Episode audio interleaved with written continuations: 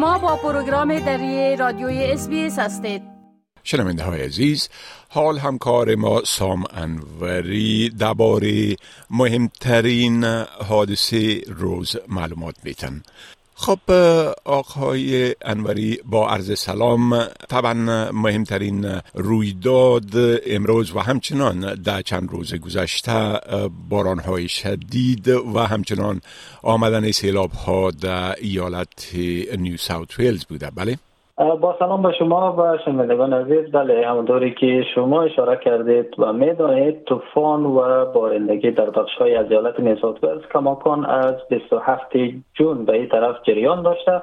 اما در چهار روز گذشته باران خیلی شدید منجر به سرازیر شدن سیل ویرانگر در بخش های از ایالت شده.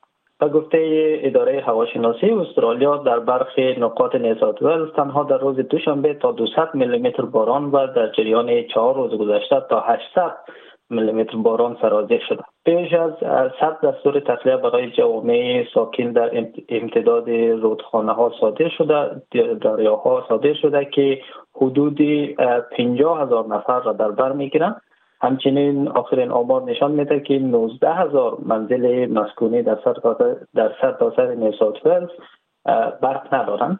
با توجه به بارندگی های شدید در بسیاری از حوزه های آب در سه روز گذشته یا چهار روز گذشته انتظار میره که سطح آب در برخی از مناطق به سطوح سیل های ماه مارچ دو سال 2021 و همچنین سیل هایی که در ماه ماه های مارچ و اپریل امسال سرازیر شدن به اون سطح برسه یا از اون فراتر بره. در همین حال سیل های بزرگی در دریاهای هاکسبری و نیپیان در نواحی مینانگل، نورت ریچموند، لور پورتلند و وینزور در حال وقوع هستند و دستورهای تخلیه بیشتری برای ساکنان این مناطق در شمال غربی سیدنی صادر شده.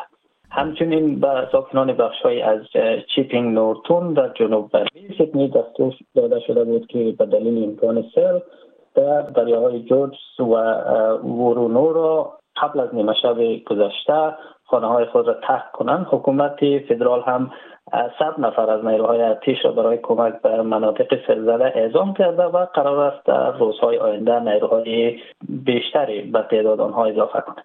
بله خب می‌تونین بگوین که برای کسایی که از این وضعیت جوی متاثر شدن چی کمک های قابل دسترس است؟ بله حکومت فدرال سیل نیوساوت ولز را به صورت رسمی فاجعه طبیعی اعلام کرده که اعلام فاجعه طبیعی باعث فعالسازی سازوکار ارائه کمک های برای مناطق آسیب دیده میشه سناتور ماری وات وزیر مدیریت اضطراری استرالیا نوقت روز دوشنبه اعلام کرد که حکومت های فدرال و ایالتی به طور مشترک و ساکنان آسیب دیده در مربوطات 23 حکومتداری محلی کمک اضطراری فراهم می‌کنه. ساکنان آسیب دیده این شهرداری ها از همین اکنون می‌تونن که از طریق دوره خدمات نیو ساوت ولز درخواست کمک کنند. این 23 حکومتداری محلی عبارتن از بلک تاون بلو ماونتینز کمدن کنتربری بانکس تاون کمپل تاون سنترال کوست سسناک فیرفیلد جورج ریور Hawkesbury, uh, Hornsby, Kioma, uh, Lithgow, Liverpool, uh, Northern Beaches, Penrith, Shell Harbour, Shoalhaven, Sutherland, The Hills, Windsor, Caribbee, Wollongilly, và Wollongong. بله. خب مردمی که نیازمند کمک باشن و در وضعیت اضطراری قرار داشته باشن می‌تونین بگوین که با کجا و از طریق چی وسیله می‌تونن ارتباط بگیرن؟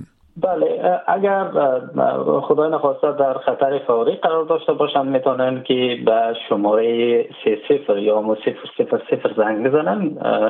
برای درخواست کمک اضطراری در شرایط سیل و طوفان با شماره 132 500 به اداره خدمات اضطراری دولتی نیوساوت ولز زنگ بزنند برای آگاهی از تازه ترین تحولات در رابطه با بارندگی و سیل از وبسایت اداره خدمات اضطراری دولتی نیوساوت ولز دیدن کنند آدرس وبسایت آدرس اداره www.fes.newsouthwales.gov.au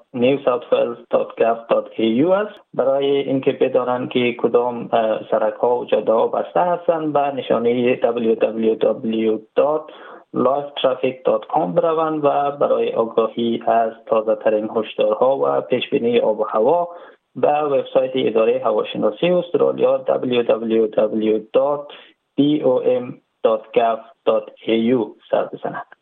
بله خب بسیار تشکر آقای انوری از این معلوماتتان و فعلا شما را به خدا می سپارم و روز خوش برتان آرزو می کنم. تشکر از شما خدا نگهدار. بپسندید شریک سازید و نظر دهید. اسپیس دری را در فیسبوک تعقیب کنید.